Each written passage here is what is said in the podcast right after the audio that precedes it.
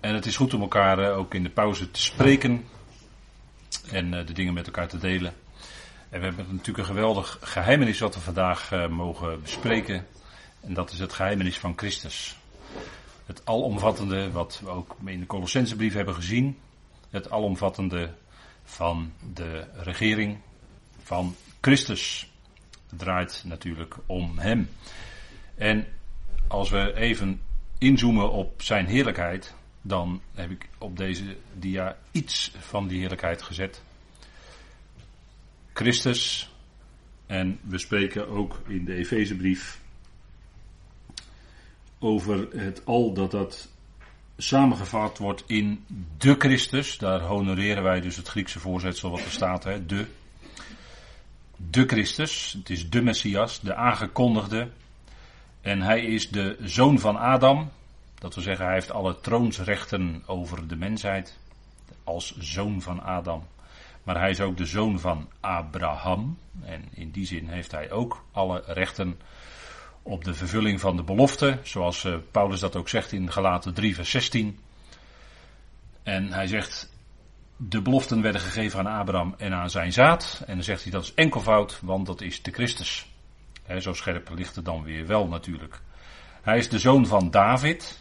En als zodanig heeft hij de troonsrechten over Israël en dus ook over de volkeren. Hij is in feite de koning van Israël. En ook zelfs op het bordje op het kruis stond, hij is de koning van de Joden. En dat is, dat is ook zo. Hij is ook de koning van de Joden natuurlijk. De koning van Israël. In openbaring wordt hij zelfs genoemd de koning van de koningen. En ik meen dat dat ergens in de profeten ook nog gezegd is in Tenach. En de heer van de heren. Geweldige titels dat is hij allemaal, de Christus, de zoon van de levende God. Zoals uh, Petrus dat uitriep. Hè? En toen zegt hij, zalig ben je, Simon, of gelukkig ben je, Simon Barjona, want je hebt dat niet uit jezelf, maar je hebt dat uh, ingegeven door de Vader. De Vader gaf het jou in om dat te kunnen zeggen, om dat te kunnen vaststellen. Dat had hij niet van zichzelf.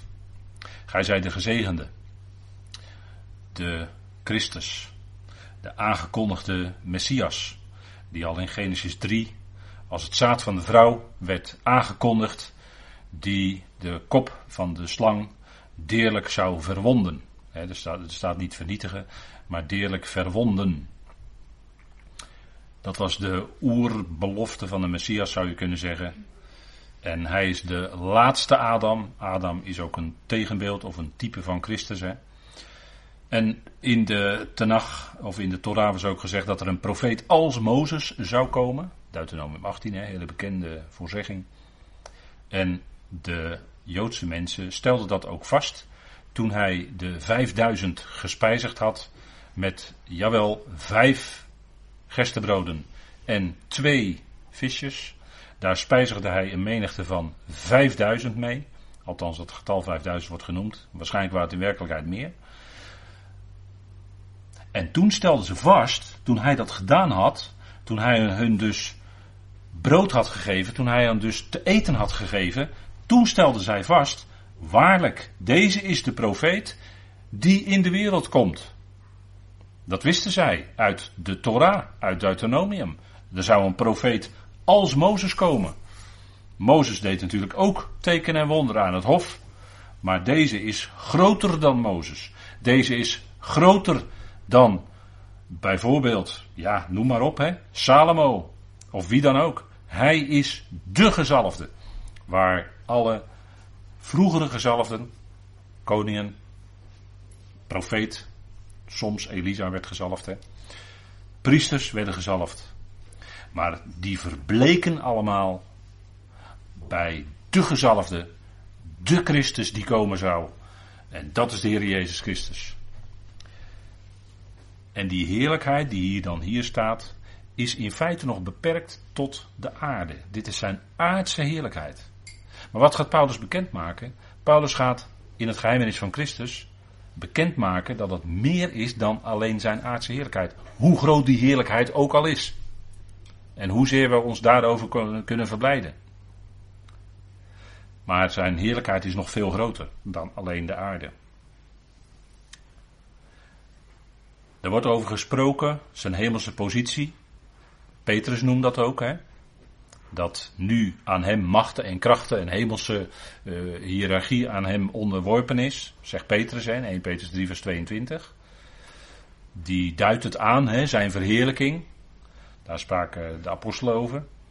Maar Paulus mocht bekendmaken in volheid en in alle duidelijkheid, om het zo maar te zeggen, wat het allemaal betekent. En dus Efeze 1 vers 22 geeft natuurlijk aan wat zijn positie is en wat de bedoeling is, wat zijn heerlijkheid zal zijn. Er staat alles onderschikt hij onder zijn voeten. Onderschikking, daar draait het plan van God om. Hè. Alles wordt gebracht tot onderschikking. Dat is het grote woord in het plan van God. Het al. Alle schepselen, mensen en hemelse machten en krachten, allen zullen ondergeschikt zijn aan de Christus. Alles onderschikt hij onder zijn voeten. En natuurlijk, dat stond al in Psalm 110. Maar Paulus maakt dat duidelijk wat het werkelijk betekent. En duidt dat nog veel verder uit. Hè, wat dat uh, zowel voor de hemelse machten en krachten als voor de mensen betekent. Alles onderschikt hij onder zijn voeten. En we moeten goed opletten wat hier staat. Hè? En hij geeft hem, dus God geeft hem, Christus, Christus Jezus, als hoofd boven alles. Dus boven, hij is als hoofd gesteld boven alles en iedereen, al die schepselen.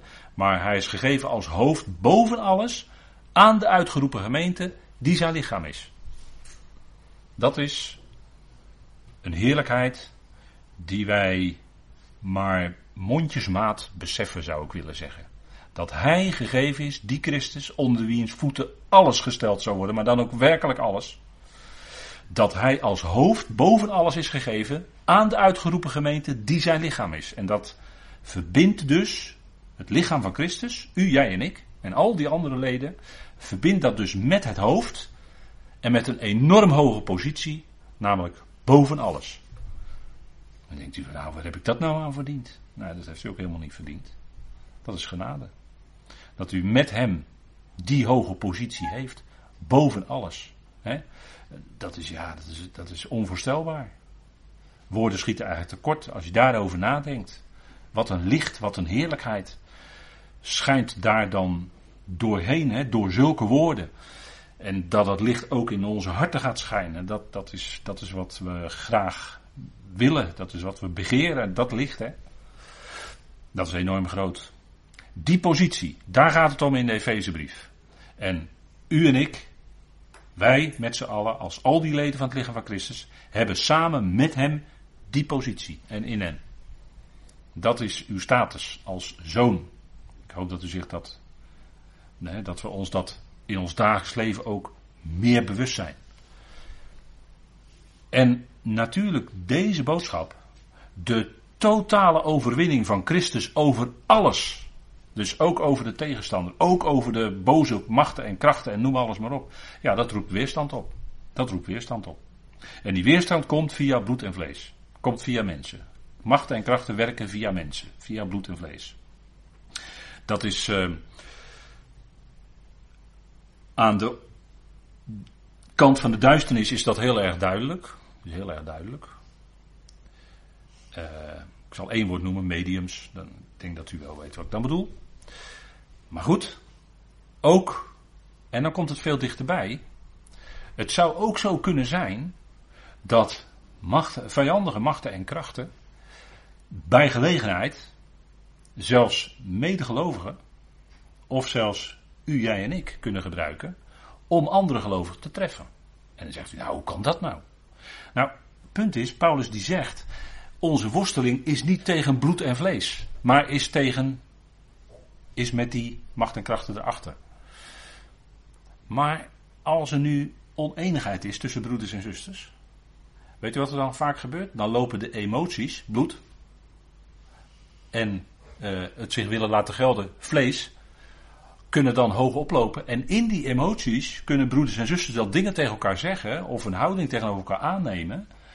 Waar, waarbij zij zelfs op dat moment zij ook gebruikt worden, zonder dat ze dat willen. Absoluut, niemand wil dat natuurlijk. Maar toch gebeurt het dat ook zij gebruikt worden door die macht en krachten om andere broeders en zusters pijnlijk te raken. En dat noemen we altijd de aanvallen van rechts. De aanvallen van links is van buitenaf. Hè? Tegenstand, weerstand, noem maar op. Dat zijn de aanvallen van links. Maar de aanvallen van rechts, daar moet je het meest op bedacht zijn. En kijk maar in Paulus' leven. Van wie kreeg hij de meeste weerstand? Dan zegt u ja, dat was van de orthodoxie van zijn dagen. Zeker, zeker. Die hadden die, die beraamde diverse keren een moordaanslag. Hè? Dus een aanslag op zijn leven. Hè? Daar gaat het dan om. Niet minder dan dat. Maar die boodschap van de totale overwinning van Christus, dat roept, dat roept natuurlijk enorme weerstand op. En bij de Joden was dat. Hoe kan het nou dat er iemand zonder tussenkomst van ons volk rechtstreeks naar die natie toe gaat? Dat kan niet, daar werden ze woest om, daar waren ze nijdig om en jaloers en noem alles maar op. En denk erom dat we dan de macht en krachten daarvan gebruik willen maken en vurige pijlen, vlammende pijlen willen afschieten. En zegt hij, ja, de langschild van het geloof, zeker, maar dat moet je wel zo doen. En dat is praktijk, hè? Dat is praktijk. Dat zijn altijd die momenten dat je er niet op bedacht bent en dan komen ze. Dus daar moet je altijd alert op zijn. Daarom is geestelijke waakzaamheid, zeker in deze tijd waarin, zo, waarin die geestelijke druk zo enorm toeneemt op de mensen, is zo belangrijk. En in de dagen van Paulus, wie waren felle tegenstanders? Joden, christenen. Degene die wel degelijk in Jezus als hun Messias geloofden, maar ook die konden vanuit hun achtergrond, vanuit hun traditie, maar niet begrijpen dat Paulus dat zei. Dat, hij, dat God hem ver weg zou sturen naar de natie. En het was maar goed dat hij al ontzet was door de Romeinen op dat moment. En hij sprak hem notabene toe in het Hebreeuws. Maar het was wel goed dat hij ontzet was, want anders hadden ze hem gewoon, gewoon gelyncht. Joden christenen. Ook degene die ook in Jezus als hun Messias geloofden. Die notabene, hè. Ja, en natuurlijk een, een uiting van die weerstand was natuurlijk ook dat Paulus gebonden, hè? Paulus in gevangenschap. Natuurlijk, die macht en krachten dachten, nou, nou hebben we het mooi voor elkaar hoor. Paulus zit gevangen in, in, ja, en toen schreef hij die brieven. Hè? Dat, is, dat is een beetje humor van God wel, vind ik. In gevangenschap en toen schreef hij die brieven. Dan had hij daar weer tijd voor. Dus eh, kijk, dat is de andere kant. Hè? Kijk, dat woord van God is niet gebonden. Hè? En, en, en daarom zegt Paulus ook, en uh, dat zegt hij tegen Timotheus. En je leest dan die brieven natuurlijk van Timotheus. En dan zegt hij tegen Timotheus: Kijk, wat, waar gaat het nu om in de eindtijd, hè, de tijd waarin we leven? Daar gaat het om: heraut het woord. Gelegen of ongelegen. En het gaat ook om of het voor de boodschapper, degene die het moet doorgeven, of het daarvoor gelegen of ongelegen komt.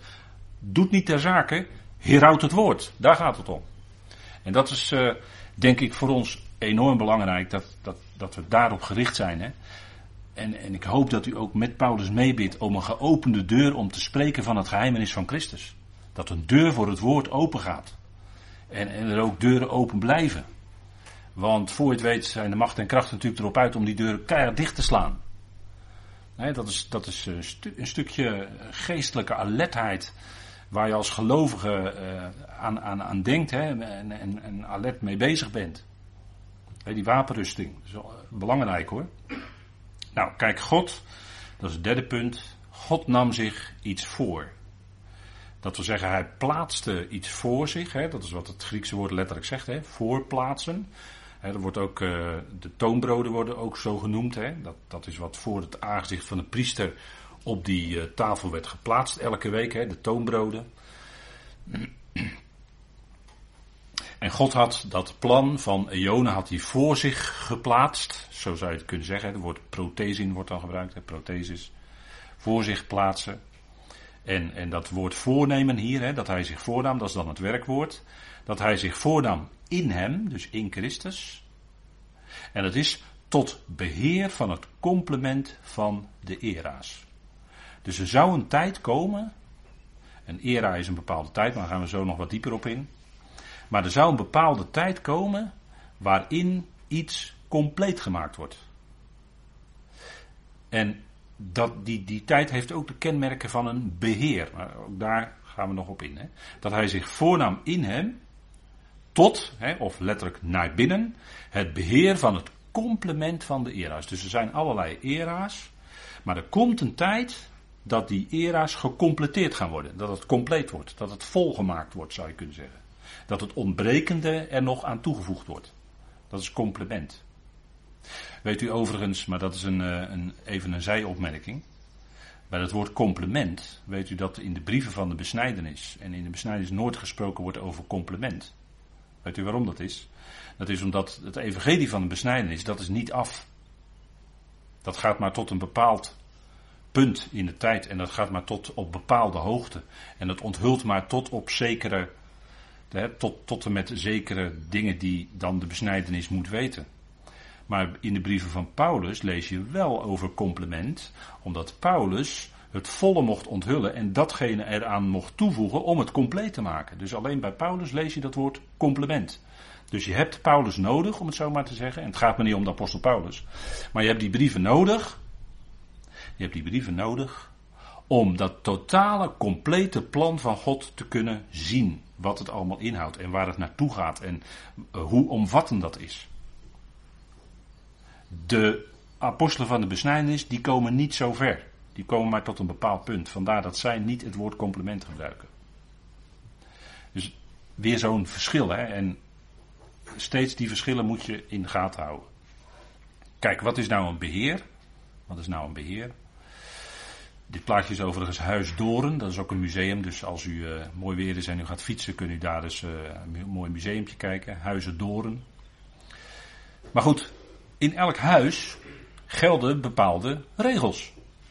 God had in het land, hè, want het land Israël was eigenlijk zijn huis, hè, had God bepaalde regels ingesteld. En dat, dat, dat is dus een beheer, hè, letterlijk is het woord huis, wet. En zo zijn er twaalf periodes van beheer. En in die laatste periode, waar het nu over gaat, het beheer van het complement van de era's, dat woord beheer, daar zoomen we nu even op in. Huiswet, huisregels. Wat gebeurt daar dan in een beheer? Daar wordt uitgedeeld. Hè, in deze tijd van genade, of in dit beheer van het geheimenis, wordt genade uitgedeeld, zou je kunnen zeggen. Wordt afgekondigd, wordt aangespoord en onderricht. Zegt Paulus om ieder mens in Christus Jezus gerijpt te doen staan. En uiteindelijk zal dat gelden voor alle mensen ieder mens in Christus Jezus gerijpt te doen staan. En daar gaat Gods plan dan naartoe. En allereerst is dat voor ons, hè, is dat voor u, jou en mij, al die leden van het lichaam van Christus. Wij zouden allemaal eerst gerijpt staan, moeten staan in Christus Jezus. En daarvoor is alle aansporing, onderricht, afkondiging van het woord is nodig. Daarmee doe je ook beheer. Kijk, als in deze tijd van genade, of in dit beheer van het geheimenis, als in dit, deze tijd, hè, als je gaat uitdelen de wet of de regels, dan ben je niet goed bezig om beheer te doen. Dan doe je geen goed beheer. Waar doe je wel goed beheer in deze tijd als je genade spreekt? En ook vaststelt met Paulus dat wij nu leven in, onder en door en van genade. Dat is het beheer van nu.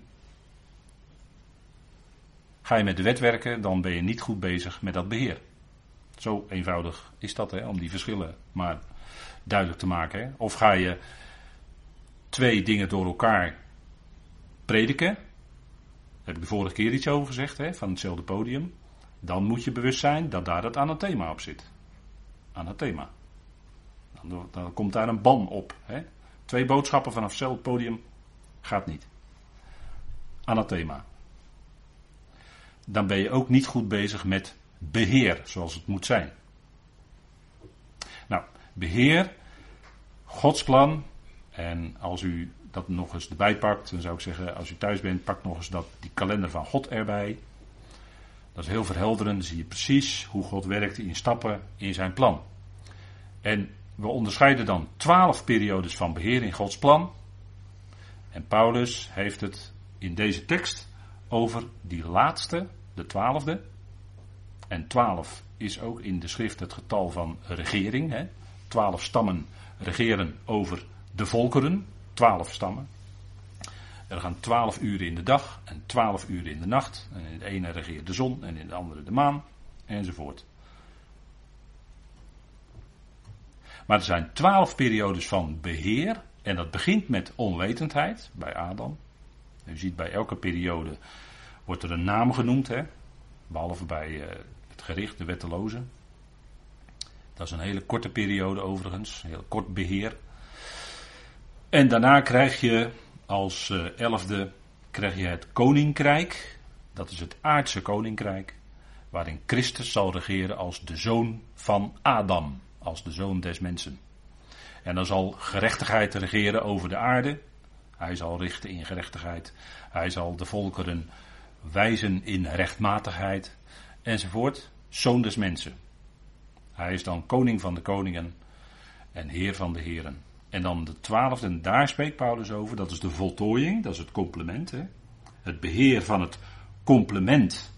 En dan kun je ook lezen voltooiing, dat wat er bijgedaan wordt om het compleet te maken. En dan is hij de zoon van God. En dat is zijn hoogste heerlijkheid.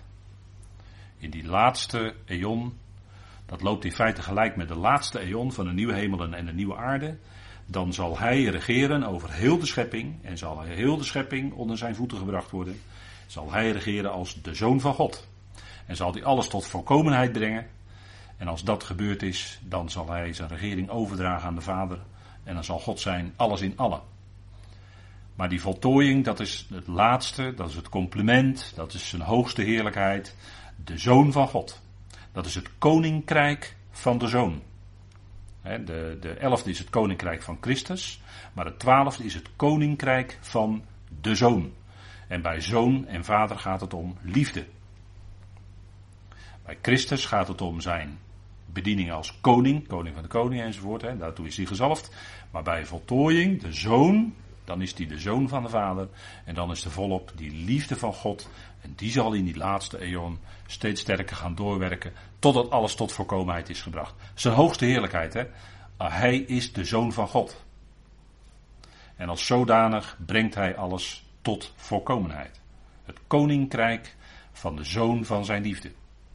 En daar hebben wij nu geestelijk al deel aan. Hè? En dat is al in de laatste, we zitten in feite geestelijk gezien al in de laatste eon en zelfs nog verder dan dat. Als, als gelovigen. We zijn al in de voleinding geplaatst in feite. Dat is heel bijzonder hoor. Beheersperiodes.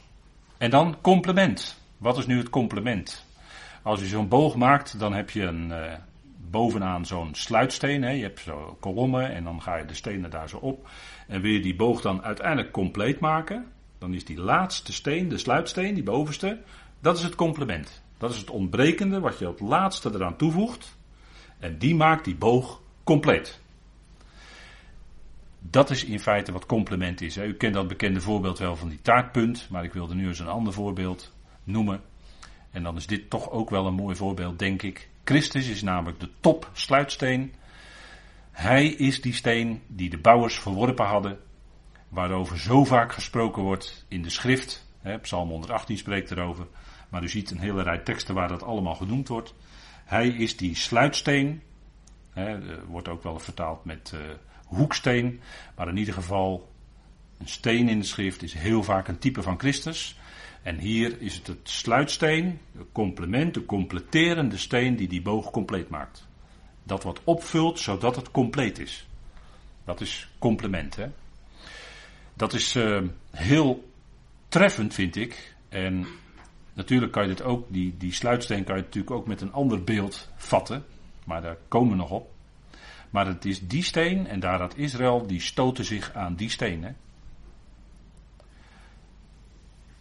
De steen die de bouwers verworpen hebben, die werd in feite tot de meest, die, die stelde God tot de meest essentiële complement, de sluitsteen, de top.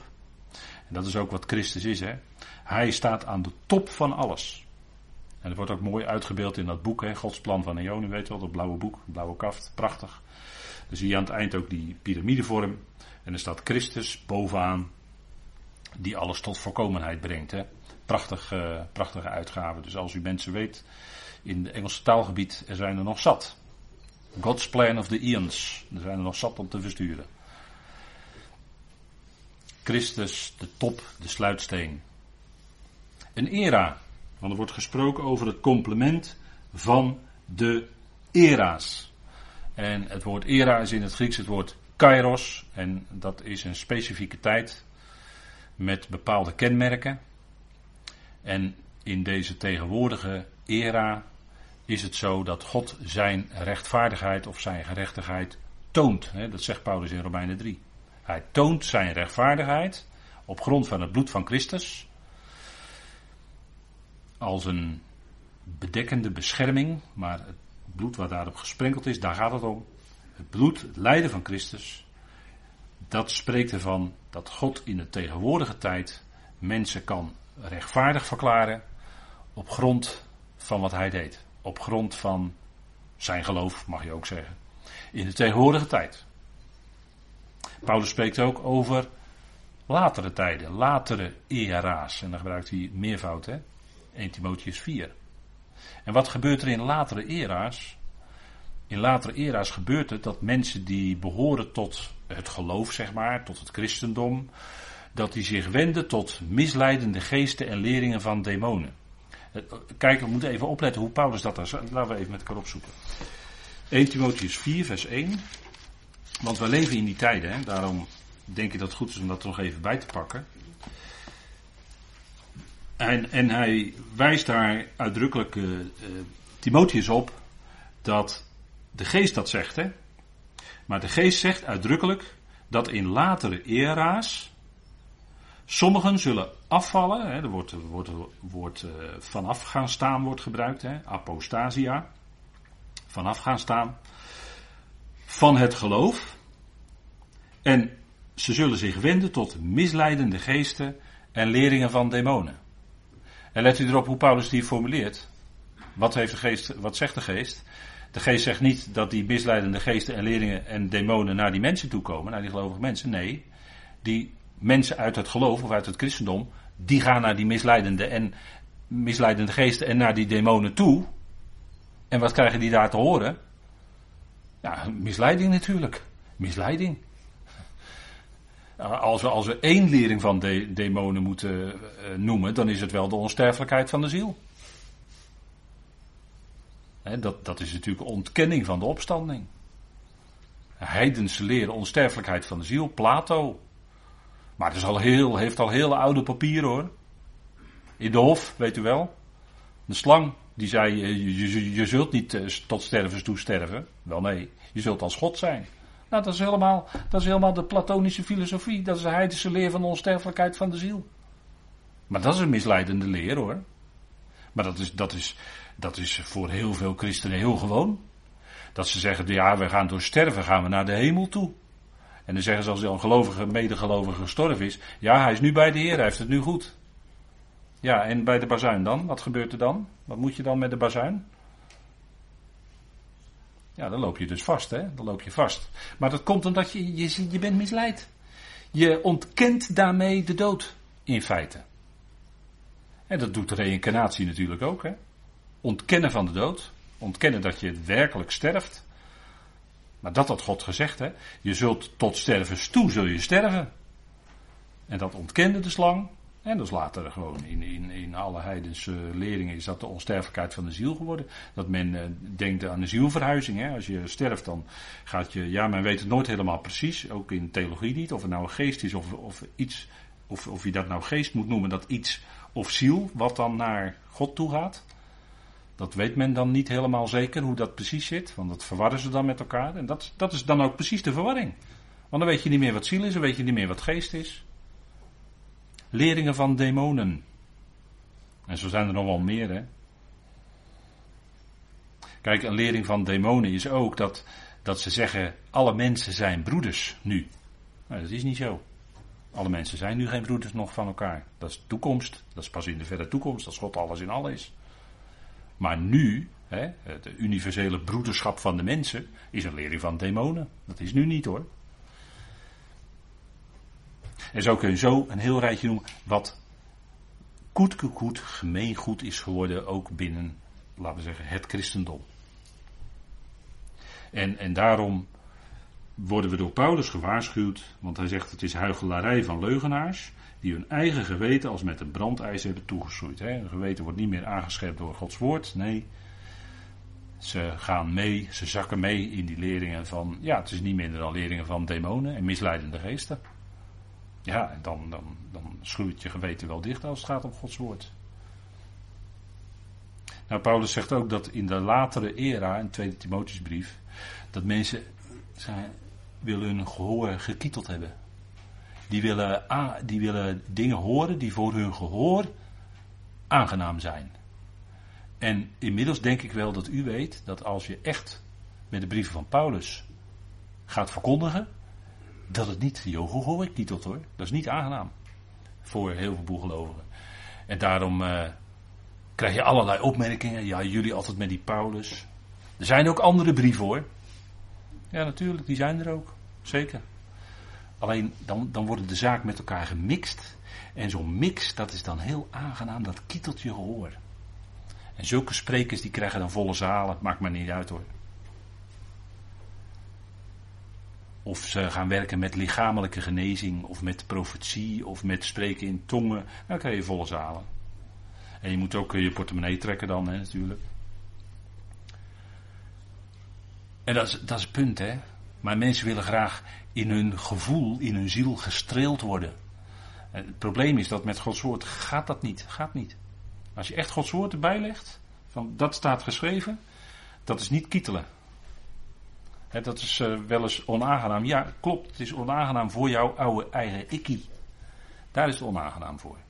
Voor je vlees. Voor jouw vlees. En als dat aangesproken wordt, ja, dan uh, ja. Ja, Maar er komen ook betere tijden, want er komen, zegt handelingen, ook era's van verfrissing. dan is als de belofte voor Israël in vervulling gaan, de profetieën, dan komt de verfrissing. na die moeilijke tijd van uh, de wetteloze, die komt in zijn eigen era. Maar na die grote verdrukking komen er ook tijden van verfrissing of van verademing. Dat is uh, geweldig, dat is allemaal beloofd in de profeten. En uh, ja, wat betreft deze tijd, deze era waarin wij nog leven, die klok die wijst twee, voor, twee minuten voor twaalf. Misschien is het wel één minuut voor twaalf. Hè? Dat, is, dat duurt allemaal niet zo lang meer. We hebben niet zoveel tijd meer. En wanneer zal dat zijn? Dat hij het hoofd is over alles. Hè? Want dat is wat Paulus natuurlijk vaststelt. En zo zal het natuurlijk ook zijn. Hè? Er komt natuurlijk een geweldige era dat het al wordt samengevat in de Christus, zowel wat in de hemelen als wat op de aarde is. Die tijd gaat komen. En ik heb hier een fragment uh, van de kalender van God. En dan wordt het ook genoemd, het complement van de era's, dat is de laatste eon in feite. Of de era van herstel wordt die ook genoemd in Hebreeën 9. Maar dat is na de grote witte troon. Dus dat is de tijd van de nieuwe aarde en de nieuwe hemelen. En daarin zal alles tot compleetheid, tot volheid gebracht worden, hoe moet je het zeggen? En dan zal het al samengevat worden in de Christus. En dat woord samenvatten, dat is, hè, dat is dat onder dat ene hoofd brengen. En wij zijn daar nu al onder gebracht, hè, u en ik zijn nu al onder dat ene hoofd gebracht. Maar dan zal dat tot volkomenheid gebracht worden. Die tijd gaat komen. Dat is aangekondigd. En dat gaat, uh, ja, dat duurt nog even. Dat duurt nog duizend jaar en dan de grote witte troon en de grote verdrukking eerst nog. Dus het duurt nog wel even voordat het komt, maar het gaat wel komen. Dat is de tijd waar we naar uitkijken. Ik denk dat dat uh, ja, toch wel iets bijzonders is. Hè? Kijk, de tekst zegt dan, uh, letterlijk is dat het opwaarts hoofden, hè, dat is het letterlijke Griekse woord, maar het al in de Christus samenvat. Het wordt allemaal in hem samengebracht of samengevat zou je kunnen zeggen, in één hoofd. Net zoals van de Torah. De Torah, de, de, de boodschap van de Torah, die wordt samengevat. Laten we even met elkaar lezen. Romeinen 13, er wordt hetzelfde woord gebruikt. Romeinen 13, vers 9. En er wordt alles samengevat in één uitspraak. En dat is vergelijkbaar met dat alles in de Christus wordt samengevat. Alles wordt in dat ene hoofd samengebracht. Romeinen 13, vers 9. En dan zegt Paulus: Wees niemand iets schuldig dan elkaar lief te hebben. Want wie de ander lief heeft, heeft de wet vervuld. Want dit: U zult geen overspel plegen. U zult niet doden. U zult niet stelen. U zult geen vals getuigenis geven. U zult niet begeren. En welk ander gebod er ook is, wordt in dit woord samengevat. Hierin: U zult uw naaste lief hebben als uzelf. Dus dat is in feite de samenvatting. Dus Paulus noemt hier een aantal laten we maar zeggen, geboden, aanwijzingen uit de Torah. En dat, wordt, hè, dat is allemaal in je relatie tot je naaste. En dan zegt Paulus, dat wordt samengevat in, of dat wordt allemaal als het ware in dat ene kopje wat erboven staat samengevat. Je zult je naaste lief hebben als jezelf. En daarom zegt hij ook in vers 10: De liefde doet de naaste geen kwaad. Daarom is het liefde de vervulling of het complement of de completering van de Torah. Dus de liefde gaat er in feite nog bovenuit en daar zit alles bij in. Daar zit alles bij in. Als je de ander lief hebt, als je je naaste lief hebt, dan doe je automatisch wat de Torah gebiedt. Alleen dan is het niet meer iets wat op jou gelegd wordt als een gebod. Nee, omdat je lief hebt met de liefde van God. En dat is nog meer, dat is nog meer dan alleen strikt je proberen te houden aan de wet. Nee, dat is veel meer. Die liefde van God door de geest werkt in jou, zodat je die ander lief hebt. En gaat boven de Torah zelfs uit. En dat zit daar dan helemaal bij in. En daarin, in dat woord, wordt het allemaal samengevat. Hè? Dus hoe je die liefde betoont naar die ander toe, als dat Gods liefde is, dan zit daar gewoon dat hele rijtje bij in, zegt Paulus. Dus Paulus is niet een en dat wordt dan wel eens gezegd, ja, jullie zijn zeker antinomianisten. Heel duur woord. Maar dat is de, degene die tegen de wet zijn, betekent dat. Hè? Anti, hè, als je zegt, we leven niet onder de wet, maar onder de genade, dan krijg je heel snel het stempel antinomianist. Nee, dit is wat Paulus zegt.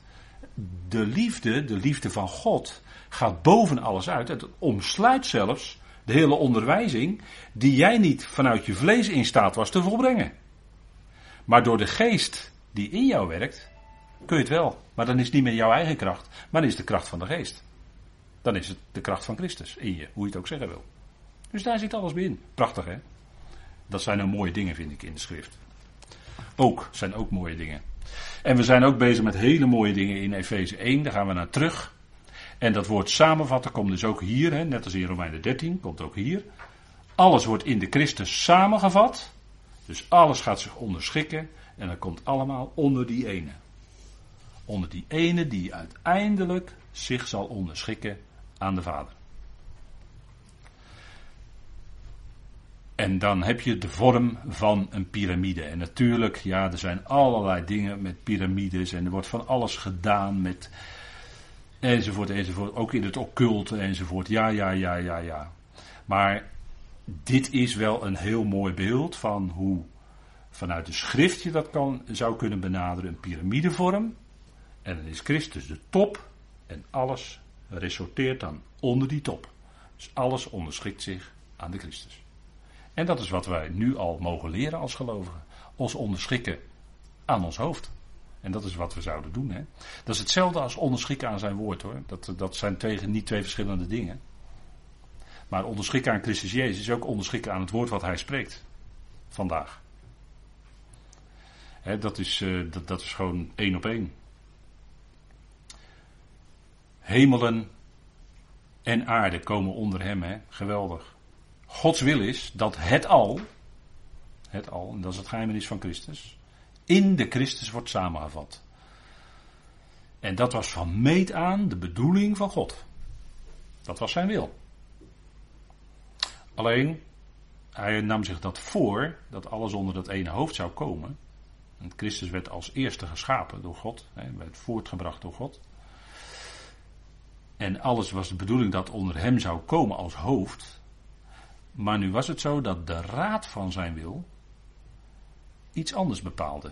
Niet tegengesteld, maar iets anders. Daar moesten een heleboel stappen gezet gaan worden. Dat was de raad van zijn wil. God beraadslaagde als het ware met zichzelf, zou je kunnen zeggen. Hoe, eh, hoe je dat voor moet stellen, weet ik niet. Maar hij beraadslaagde met zichzelf en hij bepaalde, de raad van zijn wil bepaalde, dat er stappen gezet zouden worden. Zijn hoofd zijn, en daarvoor creëerde God ook in de eerste eon de tegenstander als tegenstander zodat het hoofd zijn van Christus uitgedaagd werd door die slang, door die tegenstander. En in de eindtijd heet hij de draak. Maar dat is ook een beeldspraak natuurlijk. Maar het is de oude slang, de diabolos en de tegenstander. Hè. Zo wordt hij dan geïdentificeerd in openbaring 12. Maar dat zijn hoofd zijn zou uitgedaagd worden in de eerste eeuw. En het zou ook lijden betekenen. Want die uitdaging, die rebellie, die weerstand, die, dat, dat tegenstaan door die tegenstander, die niet anders kon dan dat. En daarmee beantwoord hij volledig aan Gods doel. Moest er lijden komen.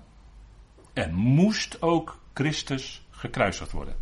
En in die simpele uitdrukking die Paulus uh, noemt in 1 Korinthe 1, daar zit in feite alles in. Hè? De gekruisigde Christus. Dat is eigenlijk in twee woorden Gods plan van Eonen. Het lijden, het kruis spreekt van het lijden. Het moest door lijden heen gaan. En het zou uiteindelijk komen tot heerlijkheid. Christus is de titel van zijn verheerlijking. Dus die gekruisigde Christus, dat is door lijden heen, zou hij daarna verhoogd worden, uitermate hoog verhoogd. Daarna boven alle naam, hè, Filippenzen. En zal iedereen hem gaan erkennen en accepteren als hoofd. En dat is onderschikking. Als je hem accepteert als hoofd, dan onderschik je aan hem. En dat is de enige weg voor ons als gelovigen. Onderschikking. Aan, aan Christus. Hij is ons hoofd. En wij zijn als het ware de eersten die dat met volle bewustzijn mogen doen, nu al. Zijn verhoging, hè. Dus die raad van zijn wil, die bepaalde anders, hè. Daar spreekt Paulus over in vers 11 van dit hoofdstuk van Efeze 1. Dat God het is die alles bewerkt in overeenstemming met de raad, de boele. Boele, dat is niet te, teleo, maar boele. De raad van zijn wil. En die bepaalde anders. Zodat uiteindelijk, en dat is de bedoeling, dat is dan het vijfde punt hè, waar, het, waar het om, om draait. Zodat het al onder dat ene hoofd of samengevat wordt in de Christus. Zowel wat in de hemelen als wat op de aarde is. En dat is het punt. We hebben eerder gezien vandaag die aardse heerlijkheid, wat in Tenach bekendgemaakt was, al zijn titels die te maken hadden met zijn regering op aarde, als de Christus, als de Messias. Maar nu blijkt, Paulus schrijft, dat niet alleen wat op aarde is, maar ook wat in de hemelen is. Al die hemelse machten en krachten. Dat die ook onder hem zullen gaan resorteren als hoofd. Dat die zich ook aan hem zullen gaan onderschikken. En daar heeft de gemeente, het lichaam van Christus, alles mee te maken. Wij zijn geen koning en priesters op aarde. Wel nee. Wij zijn zonen van God. Dat is nog een hogere status zelfs. Israël is het voorbehouden om koningen en priesters te zijn op aarde. Maar aan ons is voorbehouden om te midden van de hemelsen die hemelse machten en krachten te brengen tot onderschikking aan de Christus. Alsjeblieft, dat is uw status als zoon. En dat heeft te maken met de hemelen. En de hemelen is nu eenmaal een hogere heerlijkheid dan de aarde. Dus we moeten ook niet te laag van onszelf denken. Het is allemaal genade. Zeker. In die zin kan je niet laag genoeg beseffen. Ootmoedigheid. Want het maakt je heel ootmoedig dat aan die leden van het lichaam van Christus zoveel heerlijkheid en zo'n hoge status is toebedeeld als zoon. Dat is genade. En, en dat is iets waar we God voor kunnen danken. Dat is waar je hart blij van wordt. Dat is waar je dankbaar voor bent. Dat is geweldig dat je mag meewerken om alles aan Hem, aan de Christus te mogen onder meewerken te mogen onderschikken. Aan de Christus, aan Hem, je hoofd, je Heer, je redder, alles. dat is Hij. En uiteindelijk zal Hij alle eer en heerlijkheid ontvangen en Hij zal dat allemaal overdragen aan de Vader. Want uiteindelijk gaat het natuurlijk om de heerlijkheid van God. Die is natuurlijk ja, die heerlijkheid van God die zal in de voleinding zo onvoorstelbaar groot zijn. Zo onvoorstelbaar groot. Ja, dat is natuurlijk geweldig als je, als je daar iets, en dat schept zo'n verwachting. Kijk, het is geen hoop. Het is geen hoop. Het is verwachting. Waarom? Omdat we wachten op de vervulling van de belofte van God. Alles wat Hij beloofd heeft, zal Hij waarmaken. Dat, dat is geen onzekerheid, dat is geen hoop. Nee, dat is zekere verwachting. We wachten er gewoon op. En we kijken af en toe op onze horloge van is het nog niet zover? Nee, nog niet. Nou goed heer, dan gaan we nog door. Prima. Maar we wachten erop. Dat is verwachting. Dat heeft niks met onzekerheid te maken. Simpel voorbeeld is natuurlijk Abraham en Sarah, die, die verwachten tegen alle verwachting in. Nee, God had het beloofd. Het waren gelovigen. En Abraham en Sarah, die zagen dat ze allebei verstorven waren, konden geen kinderen meer krijgen. En nochtans verwachten zij tegen alle verwachting in. En het gebeurde. Hoe is het mogelijk, zeg je dan? Ja, dan, nou, God maakt zijn belofte waar. En dat is ook voor ons, hè. We zien nog niet dat er alle dingen ondergeschikt zijn. Nee, maar wij zien Jezus ook hè, met de Hebreeën, met eer en heerlijkheid gekroond. Zeker. We erkennen hem, zijn, zijn hemelse positie. En dat zien we nog niet met onze oogjes nu. Maar het is wel zo. Dat is wat wij verwachten, dat is waar we naar uitkijken en dat is waar we naartoe leven. Geweldig hè? Zowel wat in de hemelen als wat op de aarde is. Dat geheimenis van Christus is totaal omvattend. En dat was het verrassende, het nieuwe van de Efezebrief. Want dat was nog niet in de Romeinenbrief onthuld. Maar Paulus laat het wel bekendmaken in de Efezebrief. En ik denk dat we daarmee kunnen afsluiten vandaag. Zullen we de Heer.